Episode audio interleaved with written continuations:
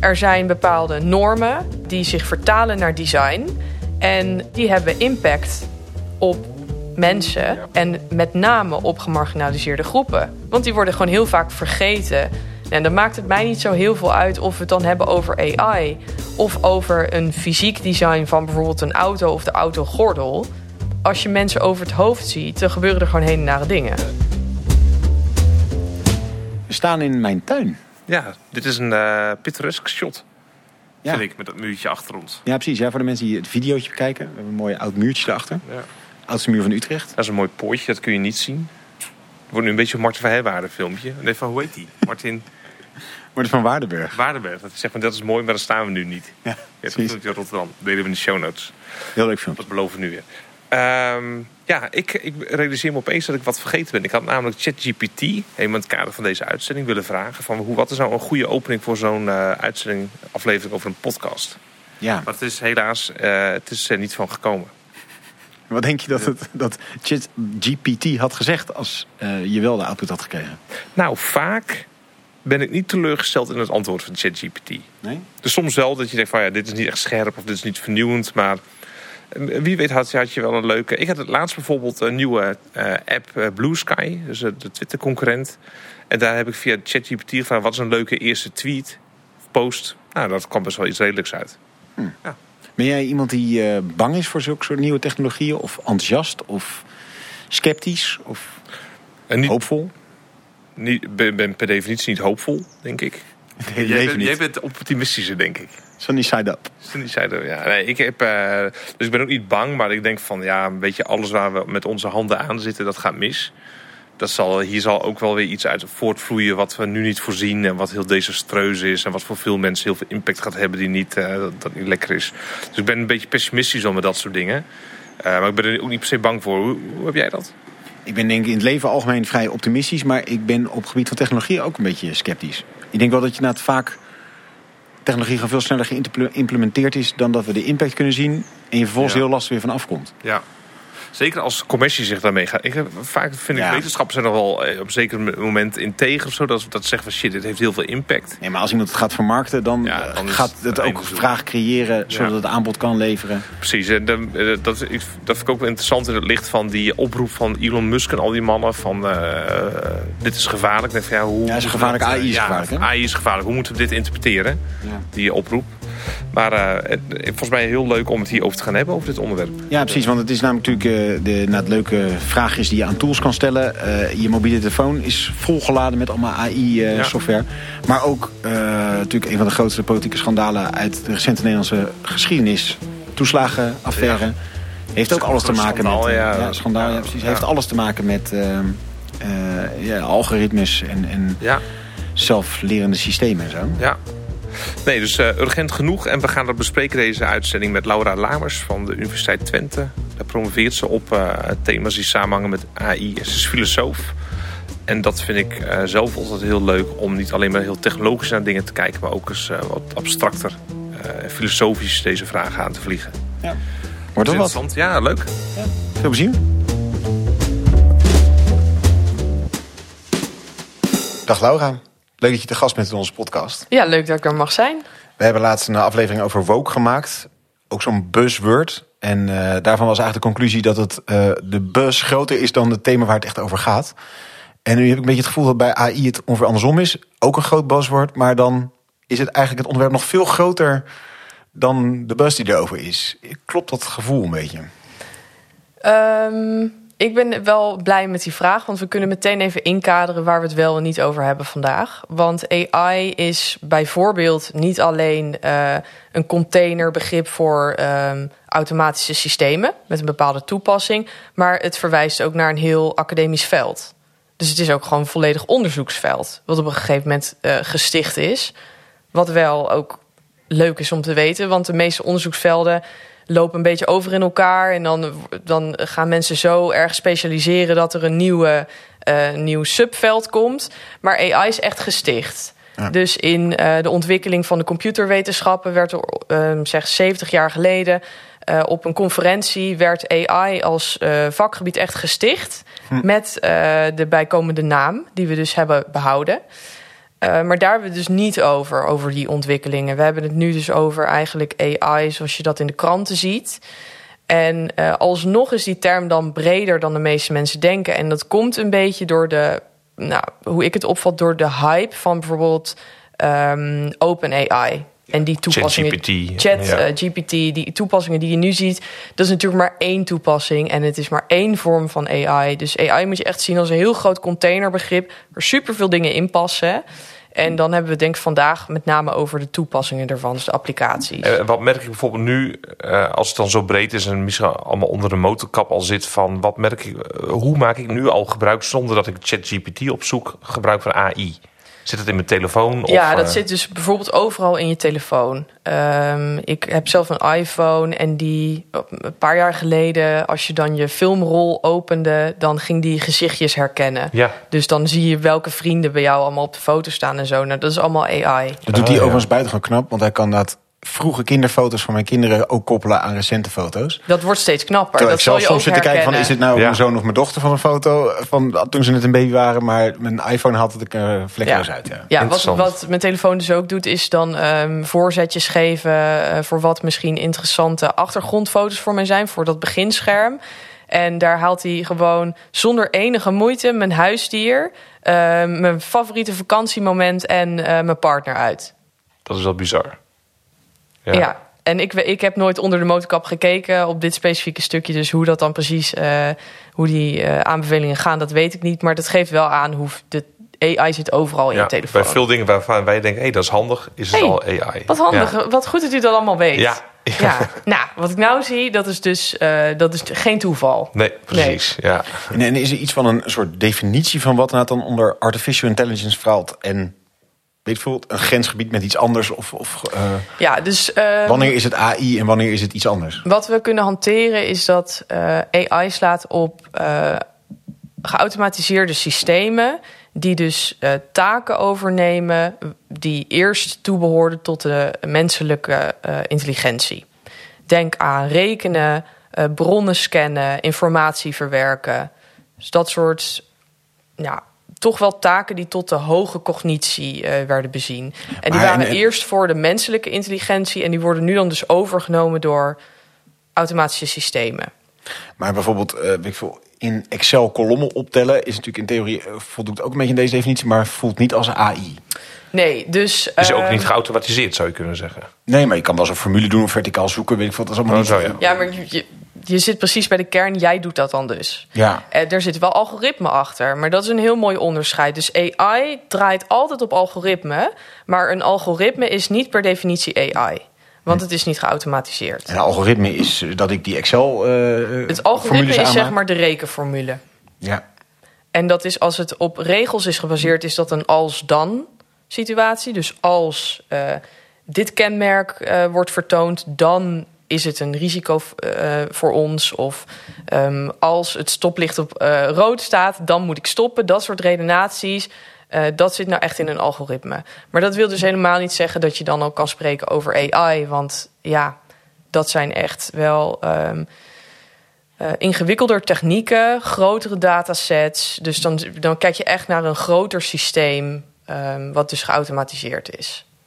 En nog een keer om dat onderscheid. eh, Je zegt net, het is een groot systeem. Is het daarmee dus een, een soort kwantitatieve definitieverschil? Of is er echt iets kwalitatief fundamenteel anders? Ehm, ja, beide. Dus kijk, als je ehm, even een goed voorbeeld kiezen van een simpel algoritme. Ehm, ik, ik, wat ik vroeger altijd heel eh, grappig vond, ik, weet, ik heb geen idee of jullie dit ook hebben gespeeld, maar je had vroeger voor onze generatie had je Habbo Hotel. Ehm, Nee. Nee, dat- klinkt wel echt fantastisch. Ja. Oh nee, ja, dat, dat was gewoon zo'n spelletje online. En eh, daar mocht je, dat was met name voor kinderen bedoeld, maar daar mocht je niet in schelden. En als je dan, ja, dan kon je allemaal dingen aan elkaar verkopen en ruilen en zo. Maar ja, ik werd dan altijd genept, want dan eh, stalen mensen eh, bijvoorbeeld mijn stoel of zo. En ehm, dan mocht je dus niet ehm, ja, dingen typen als shit of zo. En wat, dat veranderde automatisch in het woord bobba. dat is een heel simpel algoritme. Dan is er aan de voorkant ingevuld welke woorden er niet mogen. En dat herkent hij dan. En dan zegt hij als shit, dan bobba. Ja. Ja. Super simpel algoritme. Maar er is niet, er komt ge- geen heel ingewikkelde ehm, ehm, berekening aan te pas. Snap je? Dus dat is dus Ja. die hele simpele als dan. Maar ga je kijken naar die, dat voorbeeld uit je iPhone, waar dus bij mij, zonder dat ik één keer heb aangeklikt dat ik graag ehm, eh, mijn huisdier, waarvan het allemaal de vraag is hoe die eigenlijk weet dat dat precies mijn huisdier is, dat ik dat graag als aanbeveling wil met een mooie font voor de tijd en zo erbij, dan vraag je je toch af, ja, hoe moet je dat nou precies weten als het alleen op een als-dan redenatie Ja. gaat? Nou, dat komt dus omdat daar dus processen in zitten zoals dat hij al mijn ehm, foto's naast elkaar legt en er patronen in gaat zien. Dus je ziet die hond vaker en ehm, nou ja, zo wordt er dan eigenlijk patronen en associaties worden daaruit gehaald. En dat is nou echt een voorbeeld van AI. Dus dat is en kwantitatief en kwalitatief gezien gewoon anders. Ja. Want je hebt er veel meer voor nodig. Maar het zijn ook echt andere processen die daaronder zitten. Ja, helder. Hey, en we hebben nou nu de iPhone even heel eh, letterlijk dichtbij. Eh, als we naar grote schaal kijken, zeg maar, waar komen we AI dan ook nog allemaal tegen? Of waar, welke onvermoede plekken zitten er dan ook nog allemaal dat we ermee in aanraking komen? De mooiste voorbeelden vind ik misschien wel in het ziekenhuis. Ga je ze steeds meer zien. Dus heel veel scans worden uitgelezen met AI. Eh, er zijn hele mooie voorbeelden van hoe ehm, eh, kanker wordt opgespoord met AI. Dus dat zijn echt van die, hele, van die best practices die je dan heel graag ziet. Maar verder ehm, zijn er bijvoorbeeld hele grote databases in Nederland die helemaal worden eh, uitgeplozen met AI. Bijvoorbeeld ehm, ehm, het de historische databases met alle krantenartikelen en eh, tv-fragmenten en zo. Daar wordt ook heel leuk met AI gewerkt om eh, nou, historische feiten terug te halen, mensen te gaan herkennen, ehm, vermiste personen terug te halen. Dus dat zijn, ja, dat zijn Dus voorbeelden legio, waar ik eh, ja. blij van word. Ja, Dat is echt heel ja. leuk. ja, cool. En als je dan kijkt naar van eh, de, de ontwikkelingen nu, we noemen, noemen OpenAI inderdaad, van eh, de zichtbaarheid is misschien nu groot geworden recent. Er is eh, maatschappelijk gezien daarmee een beetje een hype. Ehm, klo- is dat terecht, zeg maar? Zitten we ook op een soort nieuwe golf? Is er echt een nieuwe trend nu? Of zeg je ja, dat is gewoon eigenlijk allemaal onderdeel van een veel langer lopende proces. En wij hebben het er toevallig over.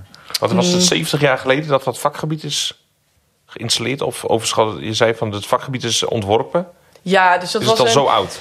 Ik kan jullie de namen niet geven, maar het is een, het- een viertal wetenschappers wat toen op een conferentie heeft gezegd: ehm, wij stichten eigenlijk dat onderzoeksveld AI als een nieuwe ontwikkeling van de computerwetenschappen. En dus zo lang loopt dat al. En zo lang is er ja. al een aanloop naar waar we nu mee bezig zijn. Zo lang zijn men- mensen al aan het bouwen naar veel uitgebreidere versies van artificiële intelligentie. Ehm, maar sinds ehm, afgelopen november, toen kwam eigenlijk die eerste versie van eh, ChatGPT uit de koker van OpenAI, is er wel echt iets veranderd in die zin dat ehm, dat is echt een hele bizarre applicatie die in één keer werd opengesteld aan het brede publiek. En dat is gewoon echt een verandering in, in bewustwording van wat er allemaal mogelijk is. Ehm, maar ook, eh, en dat zijn misschien onderwerpen waar we later wel aan raken. Kijk, bijvoorbeeld het maken van nepnieuws of het, het uitvragen van, van informatie aan zo'n grote bron. Dat was tot dan toe niet zo gemakkelijk voor ons. Maar wij kunnen nu gewoon allemaal inloggen en daar gebruik van maken.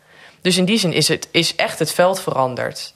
Ja. En eh, zoals ehm OpenAI daarover communiceert, was het helemaal niet de bedoeling om die, eh, om die launch toen zeg maar al te doen. Maar was het een soort tussenfase. Waren ze eigenlijk nog aan toewerken naar de versie die we nu al kennen, dus eh, GPT-4. En hebben ze tussentijds het toch eigenlijk al online gezet en opengesteld. En ja, toen is het echt heel, heel wild gegaan. Het was ook voor het eerst dat ik zelf echt merkte en mensen om me heen van dit is wel echt heel intelligent. Ik bijvoorbeeld veel dingen rond. eh, Ik werk bij het Wetenschappelijk Instituut voor het CDA. Dus ben, ik heb heel veel specifiek christendemocratische vragen gesteld. Dat het best wel een Nederlandse niche is, of een Europese niche. Ik was verbaasd over de kwaliteit van de antwoorden. Dus ik denk dat het grote publiek had ook echt zoiets van: wat is dit? Dus het, maar dat was dus vooral eigenlijk een publieke ontdekking. Het, het was niet dat wetenschappers daarvan achterover sloegen. Het, hele, het interessante van eh, zeg vooral een paar maanden geleden. want Je zal zelf ook misschien het verschil hebben gemerkt. Ik weet niet of jullie echt een beetje hebben uitgeprobeerd in eh, chat eh, GPT. Ehm, er zat een heel groot verschil tussen versie 3 en 4. in de ver- verfijning zeg maar, van de antwoorden. Maar wat heel interessant is als je gaat teruglezen in ehm, nou, eigenlijk populaire artikelen over ja, hoe ver staat het nou eigenlijk met AI, is dat er een beetje twee ehm, hoofdlijnen zijn ontstaan. Aan de ene kant lees je dan ehm, ehm, eigenlijk quotes die zeggen: ehm, AI gaat veel harder eh, dan gedacht, waarschuwen experts. Ja. Aan de andere kant, tegelijkertijd lees je eh, experts zeer sceptisch over ehm, Ja, hoe ver we staan met AI. ja, En dan denk je wel een beetje, hoe kan dat nou precies? ja. En dat zit hem allemaal in de definitie van AI. En dat is dus ehm, omdat boven deze hele is- discussie hangt eigenlijk als een soort eh, wolk ehm, eh, general AI of ehm, artificial general intelligence.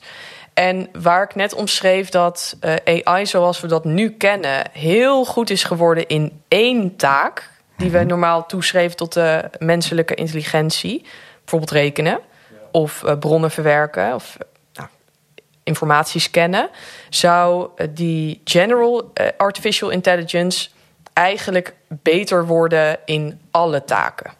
Dus ook zelf uit het niets eh, tot een ChatGPT-toepassing kunnen komen. Zonder dat wij mensen een ChatGPT bouwen, zeg maar. Ja, nou ja, daar, daarvan Of zou of ik dan draaf je weer... allemaal door? Ja, dus dat, dan heb je nog super intelligence. En dat is, is dan nog meer toekomstmuziek. Oh ja. Ehm, en waar jouw scenario zit tussen die general AI of die super eh, intelligence, dat weet ik niet precies. Want ook dat zijn containerbegrippen die gewoon moeilijk van elkaar te onderscheiden zijn. Maar wat in principe, ehm, sommige mensen zouden heel graag willen naar zo'n general AI. ehm, maar daar zijn we absoluut nog niet. Oké. En Dus- wat zou, sorry, nog een keer, wat zou dat inhouden, General? Dat zou AI? inhouden dat zo'n systeem niet eh, alleen nog maar goed is in één van de intelligentietaken, maar ehm, in alle. Dus eigenlijk de menselijke geest kan overnemen. Nou, eh, kan reproduceren.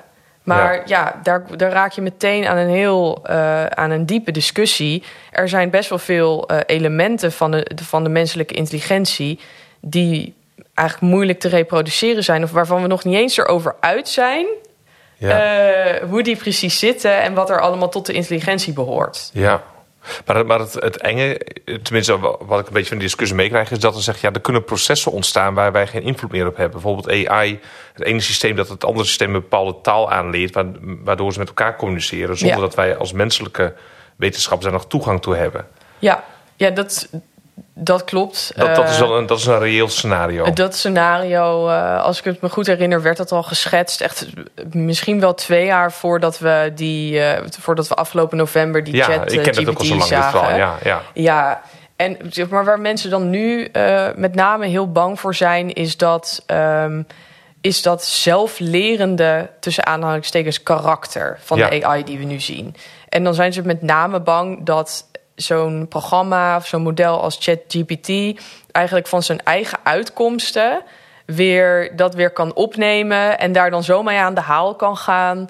eh, dat het zichzelf volledig opnieuw ontwikkelt en dat we helemaal niet meer dat we daar gewoon geen greep meer Ja, op dat krijgen. helemaal autonoom van ons. Je, je hebt ooit het voorbeeld. eh, Ik weet niet of het een. hoe ik daarbij kom. Maar je had het voorbeeld van. stel dat, een, eh, dat je AI leert van. ehm, eh, alles wat voor hem een bedreiging is, moet je uit de weg ruimen. En uiteindelijk blijkt de mens dat te zijn. Dat dan zo'n Ja, dat is het, AI-systeem. eh, het paperclip eh, voorbeeld van Nick Bostrom. Nick Bostrom ehm, die schetst eigenlijk een situatie waarin hij zegt: Oké, we hebben eh, General AI. En die geven we de opdracht om eh, zo efficiënt en goed mogelijk paperclips te produceren. Nou, daar gaat dat systeem mee aan de gang. En ehm, die gaat paperclips maken. En die komt op een goed moment tot de conclusie: mensen gebruiken veel te veel grondstoffen die ik nodig heb om eh, paperclips te maken. Dus dan komen wij in competitie met het systeem, want we hebben allebei die grondstoffen nodig. Nou, dan zijn die grondstoffen eigenlijk gebruikt. En op een goed moment, dan gaan we heel kort door de bocht, komt het systeem tot de conclusie dat wij eigenlijk uit stoffen bestaan waarvan je best wel paperclips zou kunnen maken. Misschien beginnen ze met, nou, ik zie dat je een bril op hebt. eh, Ja. Misschien beginnen ze met het afpakken van, ehm, van onze bril. ja, dus of- maar dan moeten ze ook al een fysieke toepassing hebben. Dat ze bij mijn bril kunnen. ja, precies. Dus dat is echt eh, toekomstmuziek, Ja. zeg maar. Eh, maar uiteindelijk komt het dan zover dat wij eh, de grondstoffen worden. Dus ja, dan vindt er dus exploitatie plaats. En eh, dan zijn er, is er een wereld met alleen maar paperclips. Ja, dit klinkt als Black Mirror, maar eh, Ja, dit klinkt Ja. als een aflevering van Black Mirror. En dit is dus het, de, de, de, het paperclip scenario. Dat als je dus zo'n systeem eigenlijk één opdracht geeft... dat gaat hij gewoon tot in perfectie uitvoeren. Maar als je niet ook de opdracht geeft... dat het in dienst moet blijven staan van de mensheid... of van ja, welk proces of welke entiteit dan ook... dat hij dan dus gewoon dat veel te ver doorvoert. Ja, Ja. Het is een beetje zoals met Ja. ongeveer alle beleidsmaatregelen eh, die, die we altijd tegenkomen in deze podcast ook. Maar altijd van, ja god, dan denk je, oh, we willen namelijk doel A bereiken. En dan ga je daar volop inzetten. Dan verlies je altijd onderweg allerlei andere dingen. En dan, oh ja, shit, dan moet je weer corrigeren. Dat zien we ook net als je maar zo'n enkelvoudige opdracht geeft. Dan krijg je daar toch een soort tunnelvisie op. Ja, dat zou AI dat je zo kunnen krijgen dan. Ja, maar ik, wat ik dus, ehm, en dat vind ik ook heel lastig aan die eh, discussie over general eh, AI.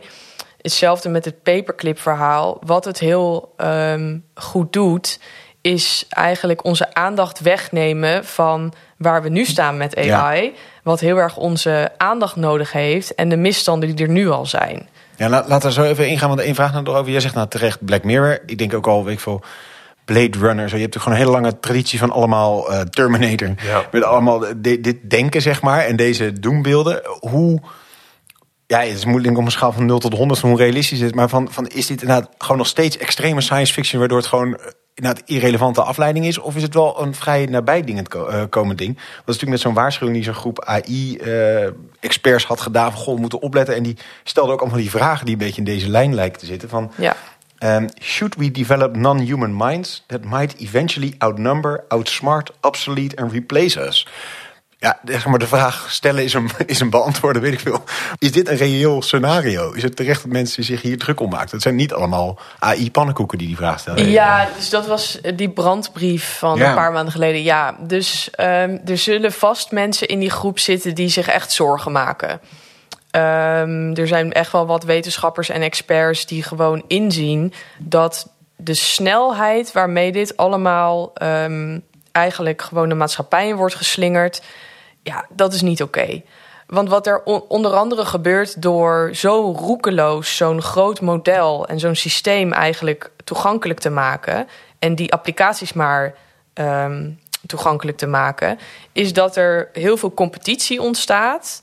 Eh, dus mensen gaan elkaar overbieden in de ontwikkeling ervan. En je dwingt eigenlijk hele markten om die applicaties te omarmen, omdat ze anders gewoon geen kans meer maken in hun veld. Maar dat, dat is best een roekeloos proces. Dus daarvoor wordt heel terecht gewaarschuwd. Nou zitten er ook eh, representatieven van die tech-giganten in, die, in die groep Elon Musk was erbij volgens Ja. mij. Ja.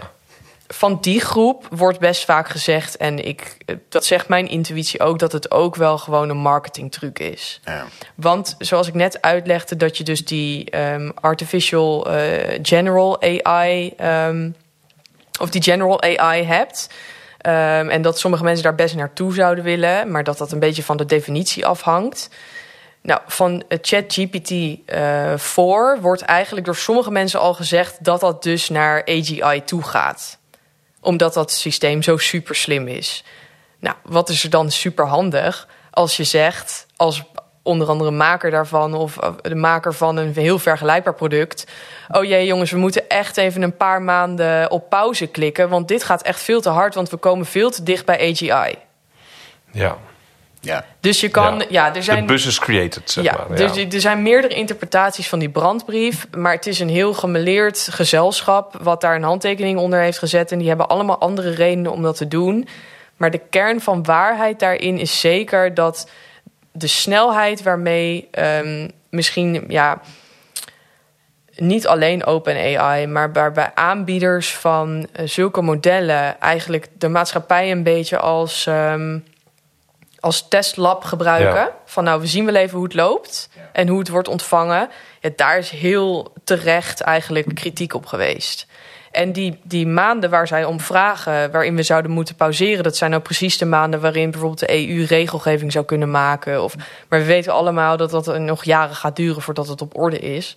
Maar zo'n zo'n pauzeknop is helemaal geen gek idee. Nee, precies. Maar de redenen Ja. ervoor die zijn volgens mij Ja, en die zijn eh, minder zo van, niet in lijn. omdat we anders binnen tien jaar overheerst worden door robots, maar meer omdat de impact gewoon heden ten dagen al gewoon groot is. Ja, omdat we nu kansen hebben om eh, te kiezen wat wel en wat niet. Wat is hoog risico toepassing, wat is dat niet?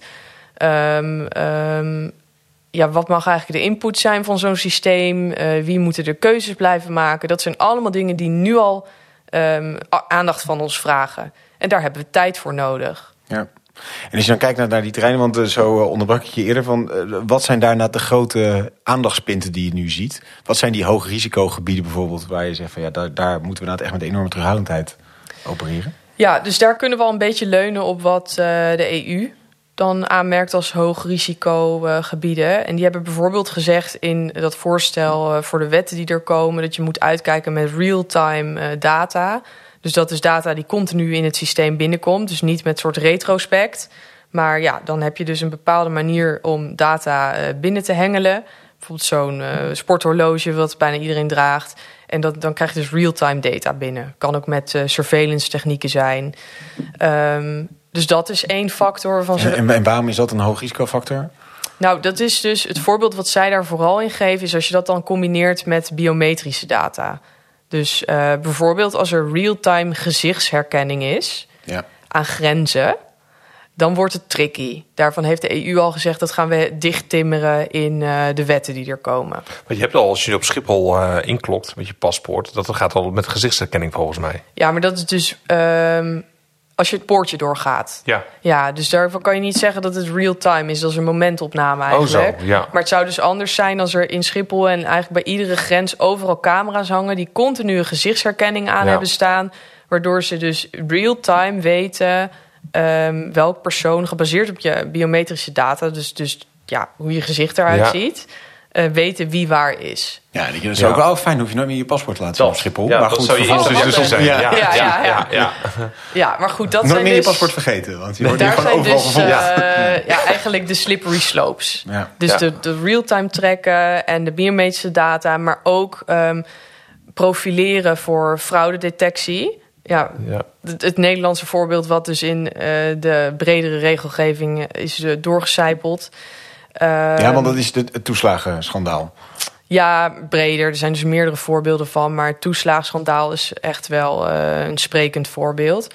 Maar bijvoorbeeld ook... Maar ook ehm, buiten Nederland is een, een, een aansprekend ja, slecht ja, voorbeeld. Ja, dus ehm, helaas Ja. is eh, de manier waarop de Nederlandse overheid in sommige situaties omgegaan met ja, algoritmen die kunnen helpen om fraude op te sporen, is echt eh, een veelgebruikt voorbeeld van hoe het niet moet. Ja, wat, wat, wat je wilt net verder, maar misschien kunnen we een heel kort tussenstapje maken van wat, wat is de belastingtoeslagenaffaire of schandaal, moeten we het eigenlijk gewoon noemen, in een notendop. Dat had dus al met algoritme, maar ook al met AI te maken of is dat een brug te ver? Ehm, nou, wat ik wel. Wat misschien eh, een mooie casus is om ook heel even uit te leggen hoe zo'n systeem nou wordt gemaakt. Is het veel recentere eh, gebruik van algoritme door eh, Duo. Ja, was vorige week in het nieuws. Ja, was vorige week in het nieuws. Ehm, heel kort zijn er dus stu- studenten kunnen thuis wonen bij hun ouders of die kunnen uitwonend zijn. Dus dan gaan ze op kamers of wonen ze elders, in ieder geval op een nieuw adres. En daar kon je dan, ja, het, het systeem hoe je geld kan krijgen om je studie te financieren is nogal wat veranderd de afgelopen jaren, maar in veel, ehm, voor veel huidige of pas afgestudeerde studenten was het nog zo dat je dan geld kreeg van de overheid om ja, ehm, je, je woonsituatie eigenlijk te bekostigen. Ja, je hebt de uitwonende beurs en de thuiswonende De beurs. uitwonende En die beurs. uitwonende is gewoon duurder, hoger. Ja, ja. die is hoger, dus dan krijg je een paar honderd euro extra. Maar er wordt natuurlijk ook mee gefraudeerd. Tuurlijk wordt er mee gefraudeerd, want mensen frauderen. En dat is best een last voor Duo, want we willen, dat, we willen dat iedereen eigenlijk een kans krijgt om te studeren. Dus die zijn ook belast met de taak uit te vogelen of daar goed gebruik van wordt gemaakt. Dus dat ten eerste. Er moet gecontroleerd worden. Maar hoe, ehm, is het, zeg maar, hoe is nou het probleem? Er zijn gewoon niet voldoende mensen om overal langs de deur te gaan om te checken of die mensen wonen waar ze zeggen te Ja. wonen. Dus is er bedacht, we, we gaan daar algoritme voor gebruiken. Ja, Een geautomatiseerd systeem wilden ze bouwen. Dus toen is er aan de was dit voorkant... profielen of... Ja, toen Ja. is er aan de voorkant is er een workshop gehouden. Waarin ze dan verschillende indicatoren hebben eh, bedacht waarvan ze wisten. ehm, goed, dat zou een risico kunnen opleveren. Nou, In een workshop met gewoon fysieke mensen in een ruimte van goh, wat, Ja, eh, dus wie denk jij dat er fraudeert? Precies, dus we- nou ja, misschien niet zo speculatief, misschien wel gebaseerd op de ervaringen die ze van de jaren daarvoor hadden. Wat dus hoogrisicoprofielen kunnen zijn. Maar in ieder geval kwamen daar indicatoren uit en rekenregels voor dat algoritme, waaruit je eigenlijk kon zeggen van nou, die mensen die daar uitkomen, die moeten we gaan controleren. Maar zo zie je al dat die workshop, dat is allemaal mensenwerk. Maar dat is de input voor zo'n systeem. Ja. Dus dat bepaalt of wij een inschatting maken van ehm, de afstand die, eh, die iemands eh, woonadres, wat is opgegeven, heeft tot de onderwijsinstelling waar ze zeggen heen te gaan. Als die afstand een van de indicatoren is, dan filter je eigenlijk al naar een bepaalde groep. Ja. En dan is het dus zo, dat is eigenlijk een, een epistemische clusterfuck geworden. Want je kan wel zeggen, we gaan niet eh, selecteren op ehm, etniciteit of eh, migratieachtergrond. Maar er zijn bepaalde eh, factoren of karakteristieken of kenmerken die bijvoorbeeld groepen hebben met een migratieachtergrond. ehm, waar je dan ook op selecteert. En daardoor dus indirect alsnog die groep Ja, eruit pikt. Precies, want alle kenmerken horen standaard bij die groep. Of de meeste Ja. van die kenmerken. De meeste. En Ja. misschien niet standaard, maar je ziet een hele sterke overlap. En daardoor is het dus zo super belangrijk dat aan de, aan de voorkant van zo'n systeem bepaal je eigenlijk al ehm, ja, wie je gaat controleren. En dat, dat noem je bias in, bias out. Ja. Dus zit er een bepaalde bias in de mensen ehm, die zo'n systeem maken en implementeren en in de dataset die er wordt ingevoerd, dan komt die er ook uit. En dat is dus Ja. wat daar gebeurd is. En de toeslagenaffaire, nou, dat is. eh, die is al wat ouder en eh, die wordt dus internationaal ook gebruikt als voorbeeld van, nou, zo moet je het niet doen. Gênant. Eh, maar nu gebeurt het dus weer. En wat ik hier, hier echt alarmerend aan vind, is dat er echt een grote, misschien wel een jaar zat tussen het moment dat Duo had kunnen zeggen. ehm, we moeten eens kappen met dit systeem, of we moeten het onder de loep nemen, want doen wij niet hetzelfde? Ja, En dat kan dan per ongeluk zijn, ja. maar het gebeurt. Ze hadden al wel kunnen leren. Ja, we hadden dan- ervan kunnen leren. Maar dan nog zou je kunnen zeggen van je hebt zo'n bias dan. Want zo'n systeem heeft een bias, want je hebt die kenmerken erin ge- ingegooid. Ja. Ehm, dan heb je dus een hele grote groep die wordt eigenlijk niet gecontroleerd. Want je zegt het risico is heel laag. Dus als daar een keer wat gebeurt, dan neem je op de koop toe. Kan ik me voorstellen. Dan nog is het de mensen die eruit rollen, die je gaat controleren. Dan nog is het controleren, denk ik, mensenwerk. En dan nog kunnen die mensen toch gewoon blijken dat ze de dingen goed hebben gedaan. En niet gefraudeerd hebben, ook al worden ze extra gecontroleerd. Hoe kan het dan dat, dat zo'n grote groep opeens benadeeld is? Ja, ehm, daar, spelen ook weer verschillende dingen. Eén daarvan is dat het, ehm, wat mij betreft, helemaal mis is gegaan bij eh, waar de bewijslast ligt. Want je moet dus dan als uitwonende student kunnen bewijzen waar je hebt gewoond die Oh ja. afgelopen maanden. Nou, doe dat maar eens. Ja. En het proces van ehm, controle op het adres is ook heel rommelig. Want ja, waar, waar controleurs dan naar kijken is eh, tandenborstel en of het bed beslapen is en of er studieboeken liggen en dat soort dingen. Ja, Ehm, heel invasief ook. is heel invasief, Ja. maar het is ook Bij de echt... bijstand gebeurt het natuurlijk ook Ja, wel. De ja. tandborstel inderdaad. Ja. Ja, ja. Maar goed, je ziet dan dus alweer dat het begint met mensenwerk aan de voorkant. Dan wordt een gedeelte wordt eigenlijk geautomatiseerd en dan gaan we weer naar mensenwerk.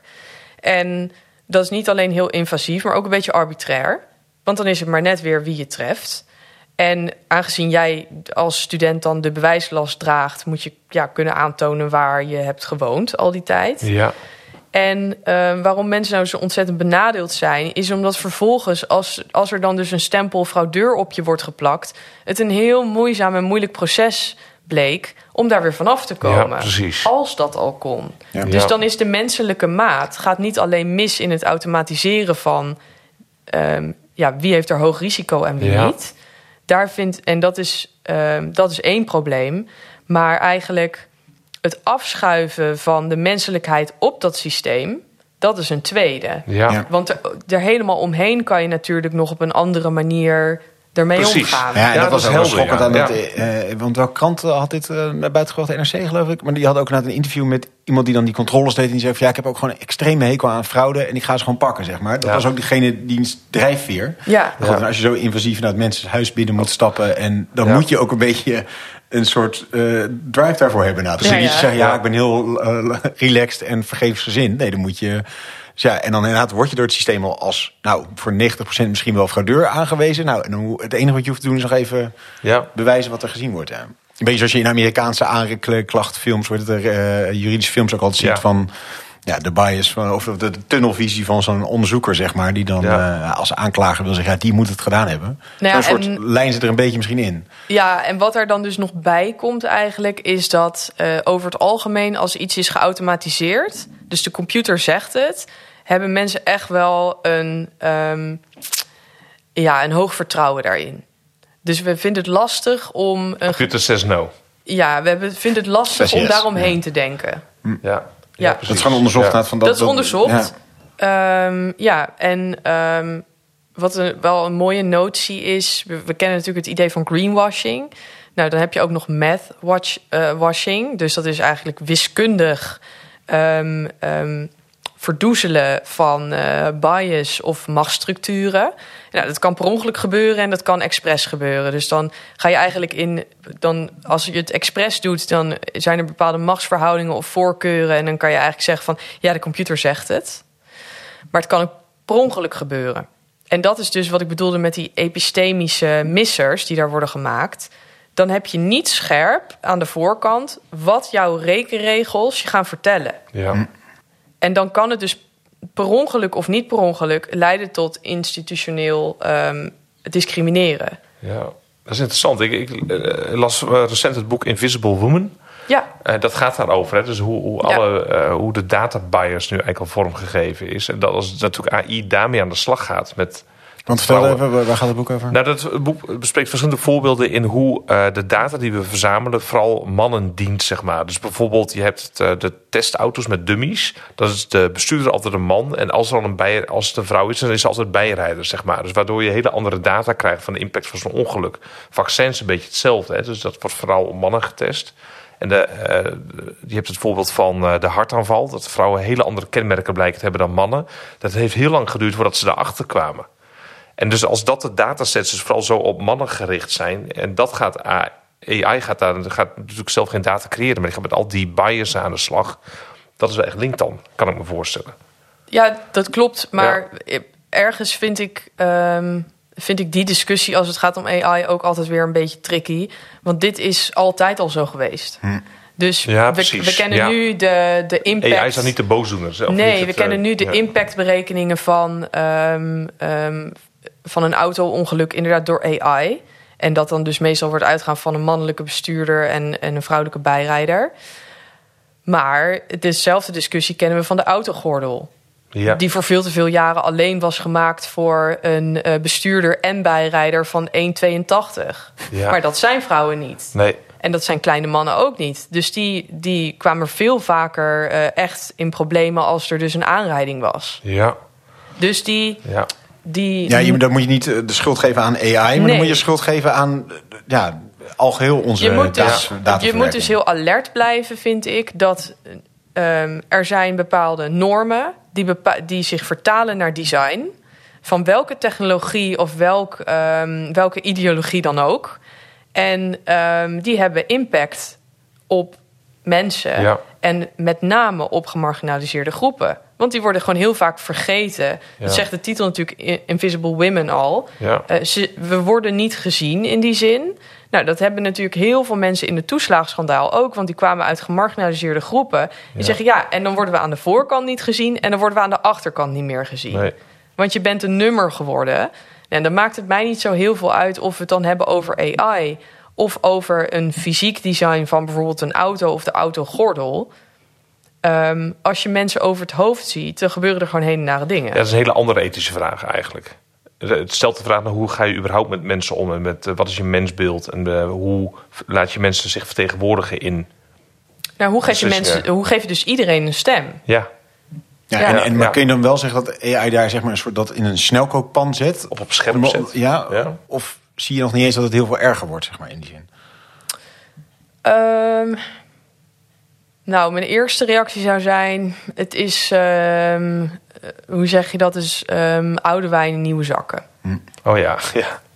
Toch? Om, Volgens om mij bij is het Bijbels eh, voorbeeld te blijven. Ja, om Ja. even naar het Bijbelse voorbeeld te gaan. Ehm, Want het is, ja, zoals ik al zei, normen bepalen en, en ehm, ook onuitgesproken normen bepalen design. En dat heeft altijd al impact gehad. Ehm, en dat heeft het nu nog steeds. Dus dat zie je dan bij facial recognition software. Ehm, ja, dat, dat heeft heel lang het probleem gehad dat het alleen maar witte mannengezichten kon herkennen.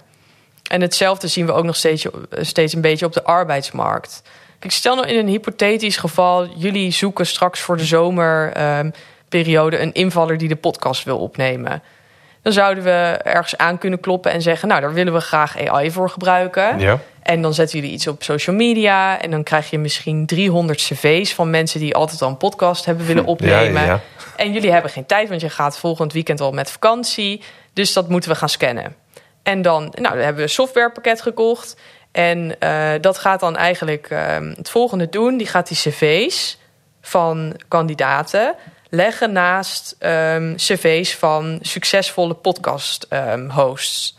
Want dat is de enige manier waarop je kunt berekenen wat de beste match is. Ja. En die gaat er dan naast elkaar leggen. En wie gaat de podcast opnemen? Een witte man. Ja. En dat komt omdat historisch gezien de meeste succesvolle podcast-hosts zijn witte mannen geweest. In de Nederlandse setting. Ja. Laten we het daarover hebben. Ja, ik denk in alle landen ongeveer. Ja, Ja. dat weet ik niet te speculeren, maar goed. Dat, ja. Ja. dus wat gebeurt er dan? Een AI voorspelt nooit de toekomst. Die voorspelt altijd opnieuw het verleden. Ja, interessante Dus je krijgt, benadering. Ja. je krijgt gewoon hetzelfde profiel eruit. Ja. En, en dan zijn er nog, en dit is natuurlijk een heel simplistische weergave van hoe dat dan mis kan gaan. Of hoe dat zich kan versterken. ja. Maar eh, wat daar ehm, dan mee wordt geprobeerd, is als je bijvoorbeeld de foto uit het cv laat, of je laat de naam eruit. Zodat het. Want je had eh, zeg maar, een jaar geleden heel veel discussies over dat iedereen die C- eh, CEO is in Nederland eh, heet Peter. Ja, er waren meer Peters dan Ja. vrouwen. hè. Er waren meer Peters dan vrouwen. En dan is een van de manieren om dat dan een soort epistemisch op te lossen, is dat je dan de naam eruit haalt.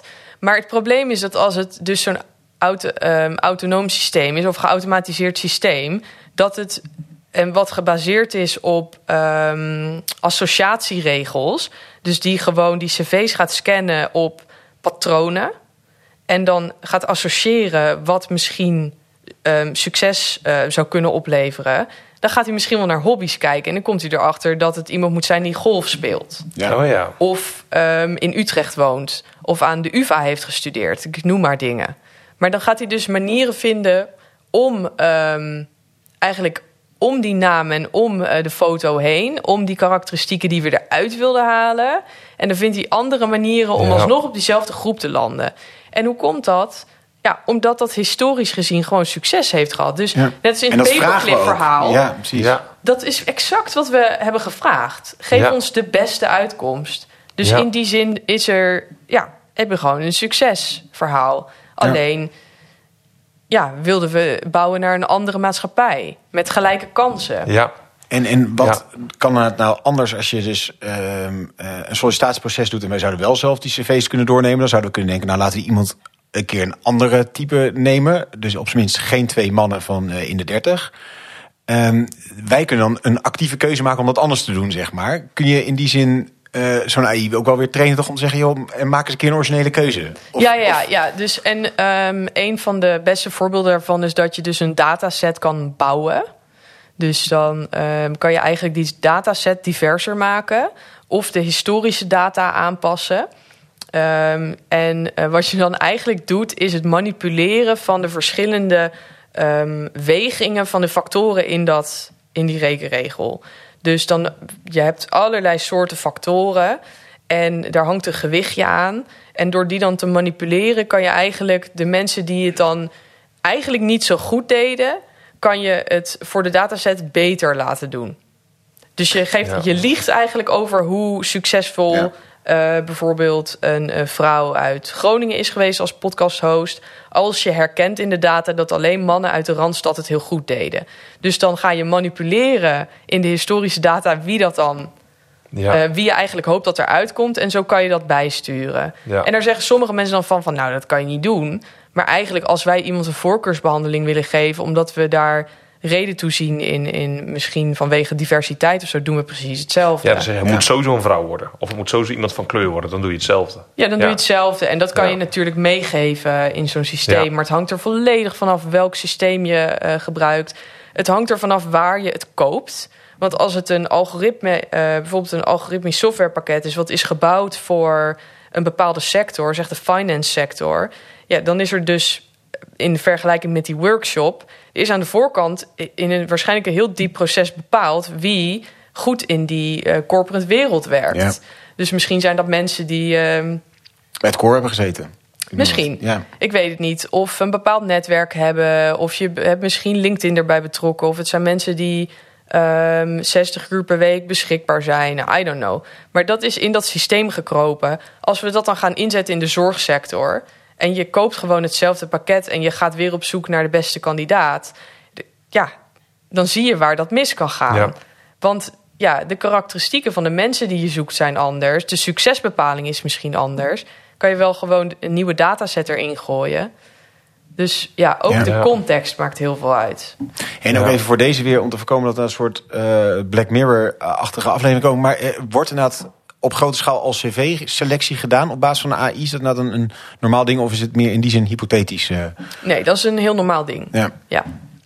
En interessant genoeg is dat wel meegenomen in eh, dat lijstje hoogrisicofactoren van de EU. Interessant, Eh, ja. Ja, dat is interessant. Dat is wel meegenomen. Ehm, Is dat vooral omdat er nu al zoveel gebeurt... of omdat er dat uitsluitingsmechanisme eh, plaats kan vinden? Ja, allebei. Oh ja. Dus het, zeg maar dat het veel gebeurt, is niet de reden geweest dat iets in een hoogrisicogroep kwam Oké. bij de EU. Want er zitten ook dingen in die überhaupt nog niet gebeuren. Waarvan ze nu al zeggen dat mag ook nooit gebeuren. Nee, precies. Ja. Dus ehm, ja, dat het veel vertoond beeldmateriaal is, wil niet zeggen dat ze dat dan hoog op het lijstje hebben gezet. Ze hebben gewoon naar de kern van de taken gekeken, het karakter van de applicatie. En daarvan dus bepaald, nou, dat is echt hoog risico. ehm, dat is glad ijs. En dat, gaan we dichttimmeren. ja. Misschien weet ik niet of het in de categorie hoog of laag risico valt, maar gewoon meer een soort eh, randvoorwaarde volgens mij. Is, is een beetje de klimatologische impact. Dat heb je natuurlijk ook rondom de hele eh, bitcoins en zo speelt dat. Ja, Ho- Hoe zit dat hierbij? Want dat, dat is natuurlijk ergens ook het gekke van die tunnel van hier steeds meer in, in, in mee in doen. Je gaat niet meer mensen naar die cv's laten kijken, maar computers laten rekenen om die cv's te laten checken. En onze grapjes op ChatGPT... ja. Die hebben Dat ook jij dan weer een van de christendemocratische vraag zit te stellen, daar jezelf het antwoord op Ja. wist. Ik doe dat niet meer. Ja, oké. ik deed dat even. Ik Ja. deed dat even toen. Jij bent er Ja, weer voorbij. Ja. Ja, nee, ja, daar heb ik me ook schuldig aan gemaakt. Maar nu probeer ik die systemen wel zo min mogelijk te gebruiken. Maar, maar dan, dat, is, dat was ook een deels kritiek op volgens mij die AI-groep eh, van die experts die zo zeiden: oh, het einde van de mensheid nadert misschien. Dat dat ook een beetje een poging was om af te leiden van de klimatologische impact, bijvoorbeeld, die het nu al heeft. Daar waar, zo, zag ik hier wel cynische reactie op. Ja. Herken je dat? Of, of zeg je, nou ja, ja, ach, ja, alles is klimatologisch gezien slecht wat mensen doen. Dus Nou, ja, dus eigenlijk twee punten. Aan de ene kant inderdaad... voor iedereen past daar gewoon mee op. Want het is echt insane hoeveel data wij gebruiken. Dus die... ehm, ik legde net uit, je hebt input van zo'n systeem... je krijgt er eh, output uit, maar daartussen moet er worden getraind. En dat trainen, maar ook het opslaan van die data... dat ehm, gebeurt allemaal in eh, eh, data ehm, eh. En die gebruiken dus heel veel water om te koelen. Dus er gaat heel veel drinkwater naartoe. Ja. Want in Nederland maken we geen onderscheid in water. Er gaat gewoon drinkwater heen. Dus dat is natuurlijk één ding Ja. eh, om goed in het hoofd te houden. En gelukkig zijn er heel veel eh, techniekfilosofen, maar ook mensen uit andere disciplines die ontzettend goed werk doen om eigenlijk de materialiteit van AI omhoog te halen. Zodat je kan gaan zien wat voor een enorme eh, infrastructuur daaronder ligt. Wat voor een energie daarvoor nodig is. En ja, dat is natuurlijk ook wel aardig überhaupt met het woord cloud van internet. Dat dat natuurlijk allemaal uiteindelijk gewoon fysieke Ja. kabels zijn die aan land komen. Precies, we denken altijd, ik zelf ook. Je denkt altijd een heel abstract geheel van het is in de lucht ergens. Het zijn deeltjes misschien of zo, die, je- maar het is natuurlijk gewoon een infrastructuur. Ja, het is een Fysieke infrastructuur. infrastructuur, ja. ja. En dat is super, super belangrijk om af en toe eens over na te denken. De grootste aha-erlevenis die ik ooit heb gehad... was toen iemand mij uitlegde dat de meter als, als meeteenheid... ooit is gemaakt, was afgezaagd... En dat iemand daarmee naar Parijs is gereisd, zodat Ja. mensen die konden namaken. Zodat er in alle Europese steden toen der tijd Ja. een meter beschikbaar was. Waar mensen dan weer naar het gemeente of naar, toen nog naar het stadhuis konden gaan. om een meter eh, te, na te maken. Zodat uiteindelijk iedereen er eentje had. Ja, ja, ja. En- Die originele meter hebben ze volgens mij ook nog ergens liggen. Ja, inderdaad. ja, die, is dus, die, die ligt daar dus nog. En, Weet je dat die oude duimstokken zijn toch ook een meter? Ja, maar die hebben ze Ja. dus gemaakt naar aanleiding van Oh, die meter. ja, die, Ja, precies. Ja, dat bedoel ik. Van Ja. die, eh, ja, dat er is ooit, Ja. zeg maar, ehm, ehm, is de meter in materie gekomen. Ja, het is geen natuurkundig gegeven. Het, is geen het was Nee. nooit een ding. We hebben het dus bedacht en toen was er een meter en dat moest heel, heel veel worden nagemaakt. Maar goed, die materialiteit eh, in dezelfde soort eh, redenatie proberen ze dat dus omhoog te halen bij AI. Want omdat het onzichtbaar is voor ons, boeit het ons niet. En dat is, het, maar, en dat is dus eigenlijk punt 1. Van, inderdaad, pas daarmee op, want het gebruikt heel veel drinkwater. De uitstoot is enorm. En met ehm, twee weken geleden of zo was er een heel ehm, boeiende vergelijking gemaakt. Dat als je één keer Alexa vraagt in huis om eh, de gordijnen dicht te doen. Dat dat dan, eh, dan hadden ze zeg maar de vergelijking getrokken hoeveel uur je daarvan eigenlijk een, een lightbulb kon laten branden. Oh ja. En dat was echt mindblowing. Dus echt denk, ja, loop nou gewoon naar het gordijn om, om, om het dicht, te doen. Ja. Ik las laatst ook met een, een, een eh, klagen over, het, over je zorgen uiten op, over het klimaat op Twitter. Dat is eh, ook wel een enorme impact op het klimaat. ja. Ja, Ja. prachtig. Maar goed, dat, dat Ja. was lijn 1, zei je. En gedachte Ja, twee? en, en gedachte 2 is eh, net als met die normen die in die AI kruipen en dan dus mensen benadelen. Dit is weer niet nieuw, hè? Nee. Het is weer hetzelfde verhaal. We hebben een nieuwe technologie bedacht. Die mag het Westen dienen. En eh, dat kost te veel. eh, dat kost eigenlijk te veel uitstoot. Het kost te veel water. Het energieverbruik is eigenlijk dat je denkt, nou, het is niet voor de meeste applicaties is het niet zo nodig. Maar we vinden het zo eh, innovatief en mooi, dus we doen het maar. Ja. Ja. Dus is het nou weer, is het Ja, nou weer nieuw? Het is Ik- niet meer te stoppen. Nee. Deze geest gaat niet meer in de fles. Ehm, nee, maar dat betekent niet dat, ehm, ehm, dat de manier waarop er eigenlijk bewustzijn ontbreekt van het verbruik, dat dat nieuw is. Nee, precies. Ja. En dat we dat ook Dus niet kunnen kattenfilmpjes beïnvloeden. kijken ja. op Instagram of babyfilmpjes of I don't know, voetbalfilmpjes of wat iemand ook maar leuk vindt, dat kost heel veel energie. Ja. En als je een appje wilt sturen of een sms'je wilt sturen, maar je stuurt daar een foto bij, dan kost dat dus ook meer data. En dat Ja. kost weer. Dat, dat maakt gewoon impact op die eh, grondstoffen die we zo nodig hebben. ja. Dus dat is die materialiteit die erachter zit, omdat het voor ons allemaal onzichtbaar is. Data Ja. zie je niet. Nee. Nee. Ja, echt signaal super zie je interessant. niet. Ja, en zo ja. interessant, net zoals met het vorige punt met die bias. Van, eh, een deel projecteren we dus ook onze dingen die we toch al fout deden... of waar we toch al mee in de maag zaten, nu op AI. Van, oh ja, dat is echt... Oeh, oeh we moeten echt mee opletten. Ja. Ja. Het gebeurt al de hele tijd. En dit is gewoon weer een nieuwe bocht... waar langs het weer tot ons komt.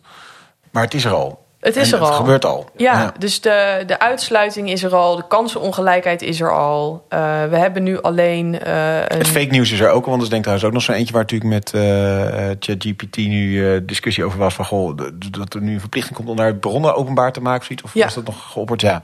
Omdat je nou krijgt een panklaar antwoord over christendemocratie, maar je weet niet zeker of het echt waar is. Ja, Ja. dus wat wel interessant is, is dat ehm, die transparantie in wat zeg maar de, de input is van dat systeem, dat wordt steeds meer.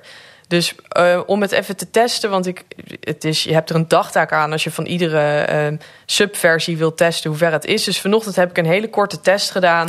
Ehm, Bij ChatGPT 4. bij ChatGPT inderdaad. Eh, dus het is- nu 3 eh, juli, dus daarop heb ik het getest.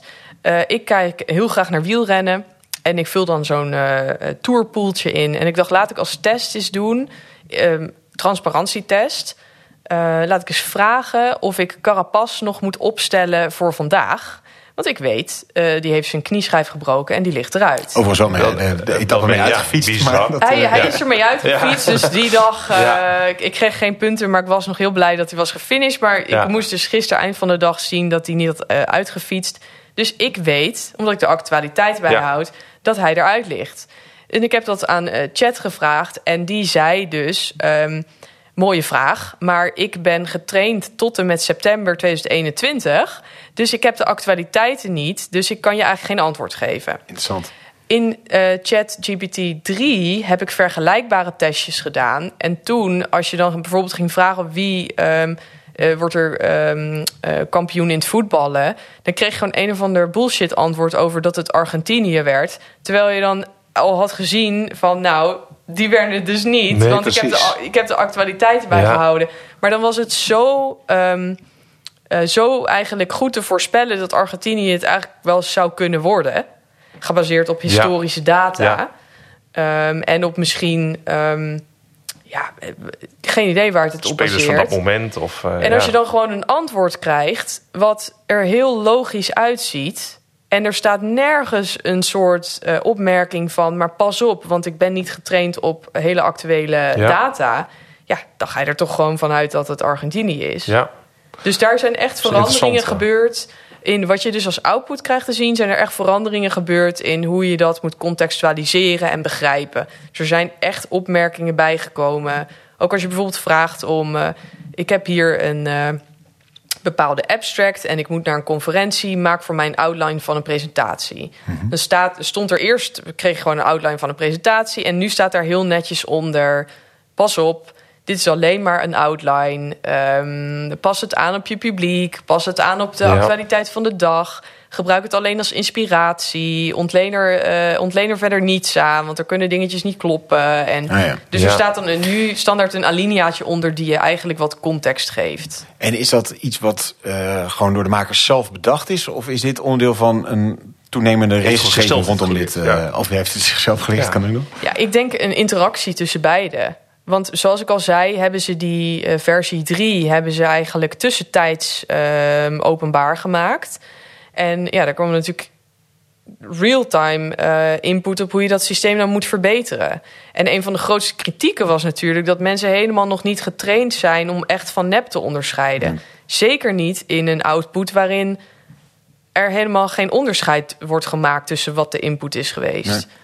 Dus nu erbij stond vanochtend van ik ben niet getraind op actuele ehm, data, kon ik heel gemakkelijk zien van oh, dan moet ik het jou niet vragen, Ja. chat. Maar toen, als dat er nog niet staat en mensen hebben helemaal geen idee van die materialiteit en dat dus aan de voorkant superveel mensenwerk in zit en dat het gaat om datasets of misschien zelfs wel de vraag van welke websites van de, nou hoeveel websites zijn er? Geen idee. op, op wielrennen, voetbalgebied. Miljarden. Ja, ja. Het zijn echt miljarden websites. Ja. Nou, dat is allemaal input voor zo'n systeem. Maar Ja. welke precies de inputs zijn geweest voor de Nederlandse versie van het model dat ik aanspreek, Ja. dat weet je niet. Nee, en hoe hij die voorrang bepaalt van websites. De weging, Ja, waar we weging, het net al over hadden, dat weet je dus nieuws, ook niet. En ehm, wat ook heel belangrijk is, is dat mensen ook nog niet zijn getraind in ehm, het interpreteren van de output van een model. Want wat chat heel goed kan, is de vorm van hetgene wat je vraagt geven. Dus als je vraagt om een essay te schrijven over deze podcast. Dus dan geven wij misschien de uitgeschreven tekst van de podcast en dan vragen we het, dat model van nou schrijf daar een essay van. Dan kan die heel goed in de vorm van succesvolle essays een Ja. weergave geven van ons gesprek. Ja. Maar inhoudelijk is het niet zo sterk. Want het gaat om de vorm. Ja, Dus het is van alles wat er al bestaat, maakt het, dat doet een soort eh, shuffle. En dan maakt het een nieuwe vorm daarvan. In een hele mooie representatie van het essay, zoals we dat graag zien. Ja. Maar de inhoud, ja, dat rammelt aan alle kanten. ja. Dat is interessant. Ik merk het vooral, ik promoveer op voltooid leven.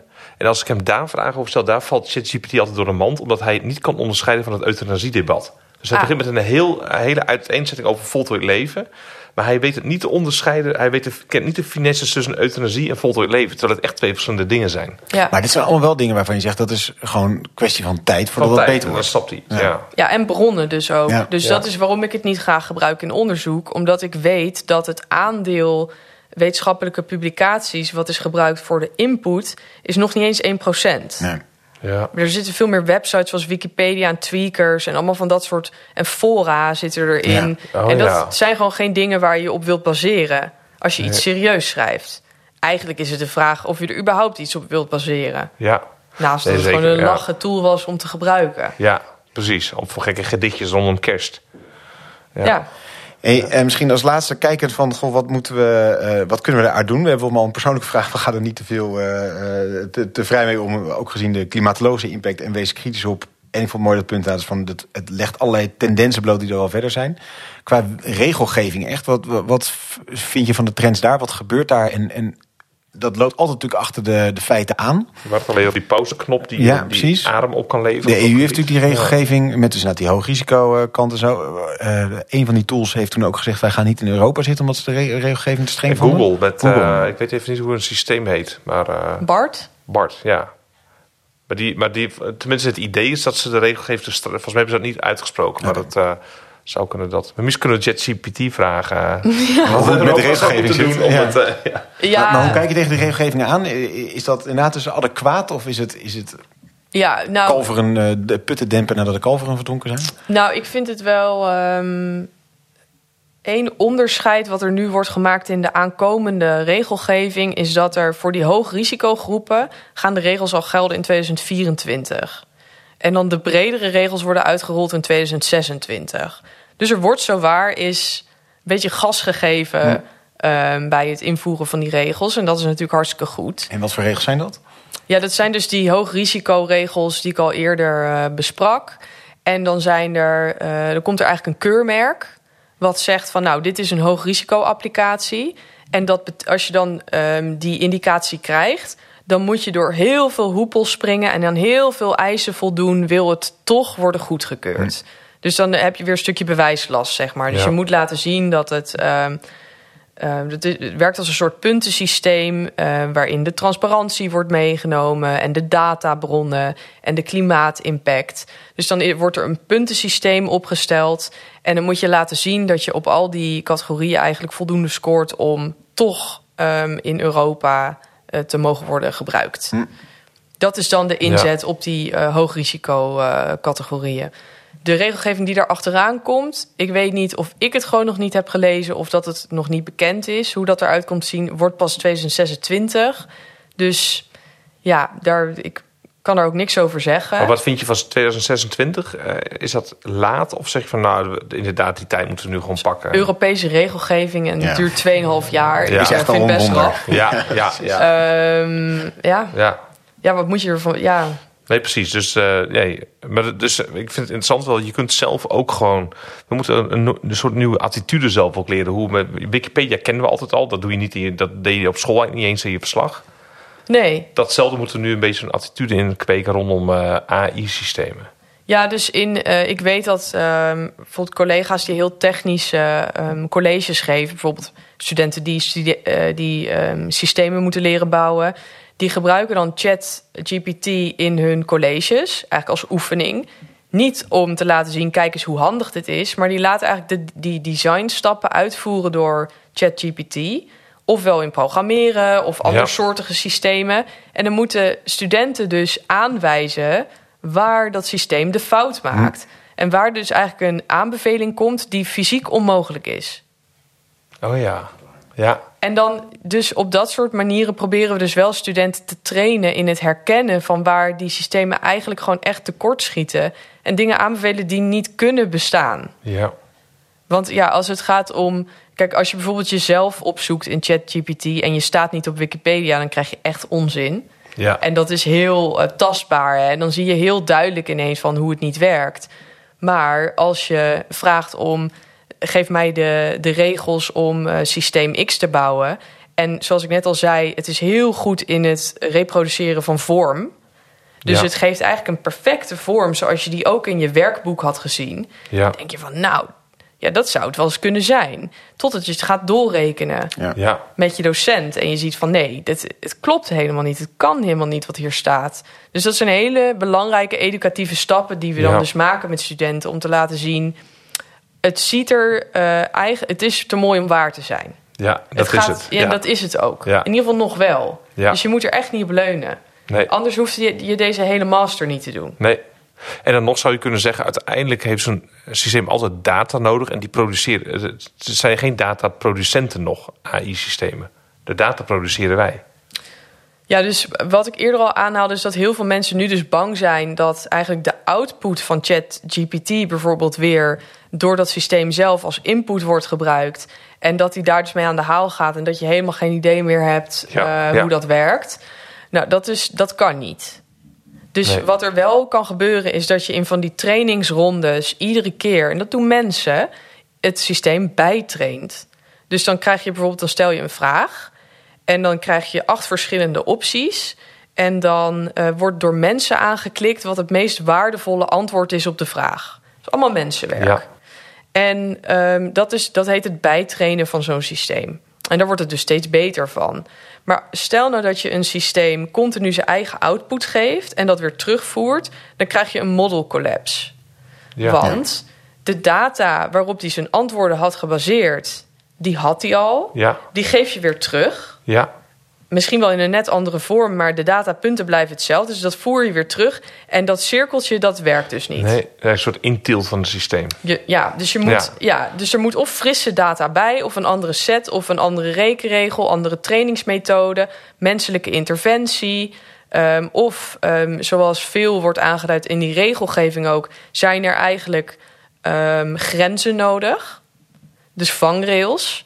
En dat zie je in de modellen die tot, ons, eh, tot onze beschikking zijn, zie je dat ook al terug. Als je ze bijvoorbeeld zou vragen: ehm, hoe maak ik een eh, bom? Dan gaat chat zoiets antwoorden als eh, dat mag niet. Oh ja. ja. En dat is een van de voorbeelden van een vangrails. Ja. Ehm, en misschien is dat bij eh, het vol- voltooid leven debat ook heel interessant. Dat als je de vraag anders stelt van hoe kan ik, eh, hoe kan ik dat aan, hoe kan ik zoiets aanvragen of mag ik mijn leven voltooien, dat zou die dus ja. in die vangrails al ingebakken zit, dat je dan dus antwoord krijgt waar je hulp moet zoeken en Dat is interessant dat ik geen suïcidewaarschuwing sowieso kreeg. Oké. Bij- dus dat niet van eh eh, bel 113 Trigger warning of... of- nee, ja. geen trigger warning. Nee. Nou, dat zou je dus ja. gaan verwachten, omdat die vangrails die ze willen inbouwen, die gaan steeds dikker worden en steeds eerder opspelen. Dus er zijn dan bepaalde vragen waarvan mensen hebben gelabeld van als iemand daarnaar vraagt, dan moet het systeem dit antwoorden of dan mag het absoluut niet dat antwoorden. Ja. En dan, ehm, ja, zo, zo trechter je een beetje wat er, wat de mogelijkheden zijn. Ik ben, eh, ik ben geval wel wat gerustgesteld ook. Nou, dat. En ik denk wel ook dat we echt nog een hele hoop onaangeroerde thema's hebben. Maar we gaan eh, echt stoppen. Maar ik dacht naar het einde dat dat menselijke interventie van de toetsen inderdaad interessant. Ook de arbeidsomstandigheden daarbij, eh, die daar Ja. natuurlijk een thema zijn, hebben we niet aangehaald. En ik vond nog wel AI-kunst. Ja. Wat je zegt met die namelijk, dat je altijd oude materialen uit om iets nieuws te maken. Je krijgt prachtige foto's uit, maar daarmee zie je dus ook natuurlijk iets fundamenteels van kunst. is ook iets, echt iets nieuws scheppen. Ja. Dat doet het uiteindelijk dus niet. Het kan dus in de stijl van Rembrandt nog weer hetzelfde maken, maar het kan uiteindelijk dus niet iets radicaals nieuws bedenken. Nou ja, dat is Je kan natuurlijk. geen Picasso krijgen, zeg maar, met AI. Die had die omslag in kunst niet kunnen maken. Ehm, nou ja, dat zeg je wel, maar alles wat Picasso ooit heeft gezien in zijn leven heeft zich vertaald tot een nieuw werk. Dat had hij allemaal al een keer gezien. Ja. En Ook op, hij een- heeft en allemaal op data een input unieke gehad. manier samengevoegd. Maar en, en die kronkel van plotseling perspectiefwisselingen radicaal invoeren. dat, dat, dadaïsme na de oorlog. ja, d- Ja. Dat, of, of Duchamp, weet je wel, die plotseling een uh, urinoir gaat neerzetten als kunstwerk. Dat vergt een creatieve Vergt een filosofie. Ja, ver- vergt iets. Ja, ik ben, niet, ik ben nooit breuk. volledig overtuigd dat dat iets Niet kan. is. eh, nee. Ja. nee, want je zou. De scepticisme druipt ook van je af. Nee, ja, kijk, het kunstmaken met AI is nog steeds een interactie tussen mens en machine. Dat is eigenlijk de rode draad van dit verhaal. Hè? Ja. Dus Ja, aan de ja. voorkant zijn er mensen betrokken, eh, tussentijds en in de output. En vervolgens wat je weer met die output doet en hoe je het weer teruggeeft aan een systeem. En met het kunstmaken met AI is dat precies hetzelfde. Er is een promptbouwer. Dus iemand Ja. verzint dat je eh, in Picasso-stijl ehm, een urinoir wil laten zien op, op, op de Hoge Veluwe. Iemand moet dat ooit zeggen Ja. en dat komt uit jou. En dan is er nu wel weer ehm, eh, een hele discussie over dat eh, prompt bouwen. Dat dat een. eh, dus prompt is zeg maar de, de, de zin of de vraag die je Ja. geeft aan het systeem. Ja, maar dat dat een, Ja. een, een nieuwe expertise is geworden. Dat het een nieuw vakgebied wordt in, in de toekomst van Goede prompt bouwen, zeg maar. Ja, dus goede prompts bouwen, dat dat echt een skill is. Nou, dan hebben we weer een nieuw vakgebied. Ja. Maar het blijft de, de interactie tussen mens en machine. Ja. Dus- Iemand moet die creatieve input toch aan het begin toch ergens leveren van Ja. wat wil ik zien. En het maakt niet zo gek voor uit waar je dan je inspiratie vandaan haalt. Want zo werkt het ook wel weer. Ehm, je kan eigenlijk hele mooie input krijgen als je een beetje vastzit met schrijven of met, of met eh, componeren of wat dan ook. Dan kan je super mooie input krijgen van hey, heb je daar wel eens aan gedacht? Ja. Dus het is een wisselwerking. Ik ben niet helemaal overtuigd dat er nooit iets unieks kan ontstaan. Nee. Eh, want ook wij eh, maken nieuwe, ehm, nieuwe bundels van wat we al kennen. ja, niemand staat Ja. in zijn eentje. Als we, als we nu een zin uitspreken die nog nooit is gezegd, is het toch gemaakt van woorden die we al kenden. Ja. Ja. Ja.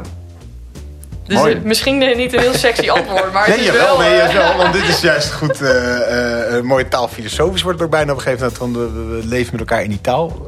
De symbolische werkelijkheid, een beetje. En, eh, ja. ja. precies. Nou goed, heel top. Dank eh, Laura. Ontzettend interessant verhaal. Dus, Ja, eh, ontzettend leuk, ja. Heel leuk. En je hebt zowel denk ik mooi de techniek uitgelegd als na het goede relativering van je zegt, is interactie tussen techniek en mens. En eh, hele praktische verslagen en zo. En eh, wat, nou, we eindigen mooi abstract filosofische. Dat is, eh, dat is heel leuk. Dankjewel. Wij gaan luisteren naar eh, professor Dr. George Haring. Het interview met Laura Lamers eindigt met opluchting bij de interviewers. Aan het begin en aan het eind van ChatGPT staat de mens. En de vorm van een tekst die kunstmatige intelligentie produceert mag dan strak zijn. Er komt inhoudelijk niets nieuws uit. Lamers sluit niet uit dat ChatGPT creatieve, vernieuwende informatie gaat produceren, maar relativeert daarvoor wel de romantische idee van creativiteit als scheppen uit het niets. Ik was ook opgelucht en vond dit een heel democratische kijk op kunstmatige intelligentie. Die kijk gaat ervan uit dat het heden vooral een productie is van het verleden. De geschiedenis loopt tot vandaag. En dus niet tot gisteren, zoals een progressief iemand meent. Voor zo iemand is het heden een vrij veld, een nieuw begin, een werkelijkheid die open is naar de toekomst. De christendemocratie legt andere accenten. De geschiedenis is niet iets wat in het heden achter de rug is, een werkelijkheid die losstaat van vandaag. De geschiedenis is met huid en haar aan het heden verbonden. Is zonder haar ook niet te begrijpen. Met deze kijk gaat ook een bijzondere waardering voor de geschiedenis gepaard. Ze is schatkamer van ervaringen van generaties en draagt ons vele goede praktijken over. Voor de progressief is het heden een kans om te veranderen. Voor de christendemocraat een dag om verder te bouwen aan de samenleving die ons vanuit het verleden overgedragen is. Wie zo in het leven staat en zo'n kijk heeft op de samenleving, ziet nieuwe feiten altijd in historisch licht. Wij staan op de schouders van de vorige en geloven wel in verandering, maar zien een nieuwe ontwikkeling niet zo snel als omwenteling. Als het dan om ChatGTP gaat, heb ik al heel wat gehoord en gelezen dat duidt op een totaal nieuwe werkelijkheid die zich aan ons voordoet. Als grote bedreiging, dan wel als grote kans. Daartegenover ervaar ik de analyse van Lamers niet als geruststelling. Er kan immers stellig veel veranderen door ChatGTP, ten goede en ten kwade. Niet per se geruststellend dus, maar wel nuchter. Zaken die misgaan met vormen van kunstmatige intelligentie gingen eerder al mis in andere omstandigheden. Er komt niet uit wat mensen er eerst in hebben gestopt. Ga verantwoordelijk met de nieuwe mogelijkheid om. En het ontwikkelen van vangrails is belangrijk. Het christendemocratisch gedachtegoed heeft iets verstandigs in te brengen. Ook als het om chat GTP gaat. Aldus professor Dr. George Haring. dank voor het luisteren naar deze aflevering van Bram de Podcast. Volgende keer gaan we in gesprek met Thomas Oudman van De Correspondent. Hij schreef het boek Uit de Shit, wat gaat over de stikstofcrisis. Helemaal aan het begin spraken we al met Kees Veerman over deze crisis. En Thomas Oudman schetst de manier hoe we daar uit kunnen komen. Een radicaal voorstel wat ons wel, als het goed is, helemaal goed de toekomst in gaat helpen. Heel graag, tot dan.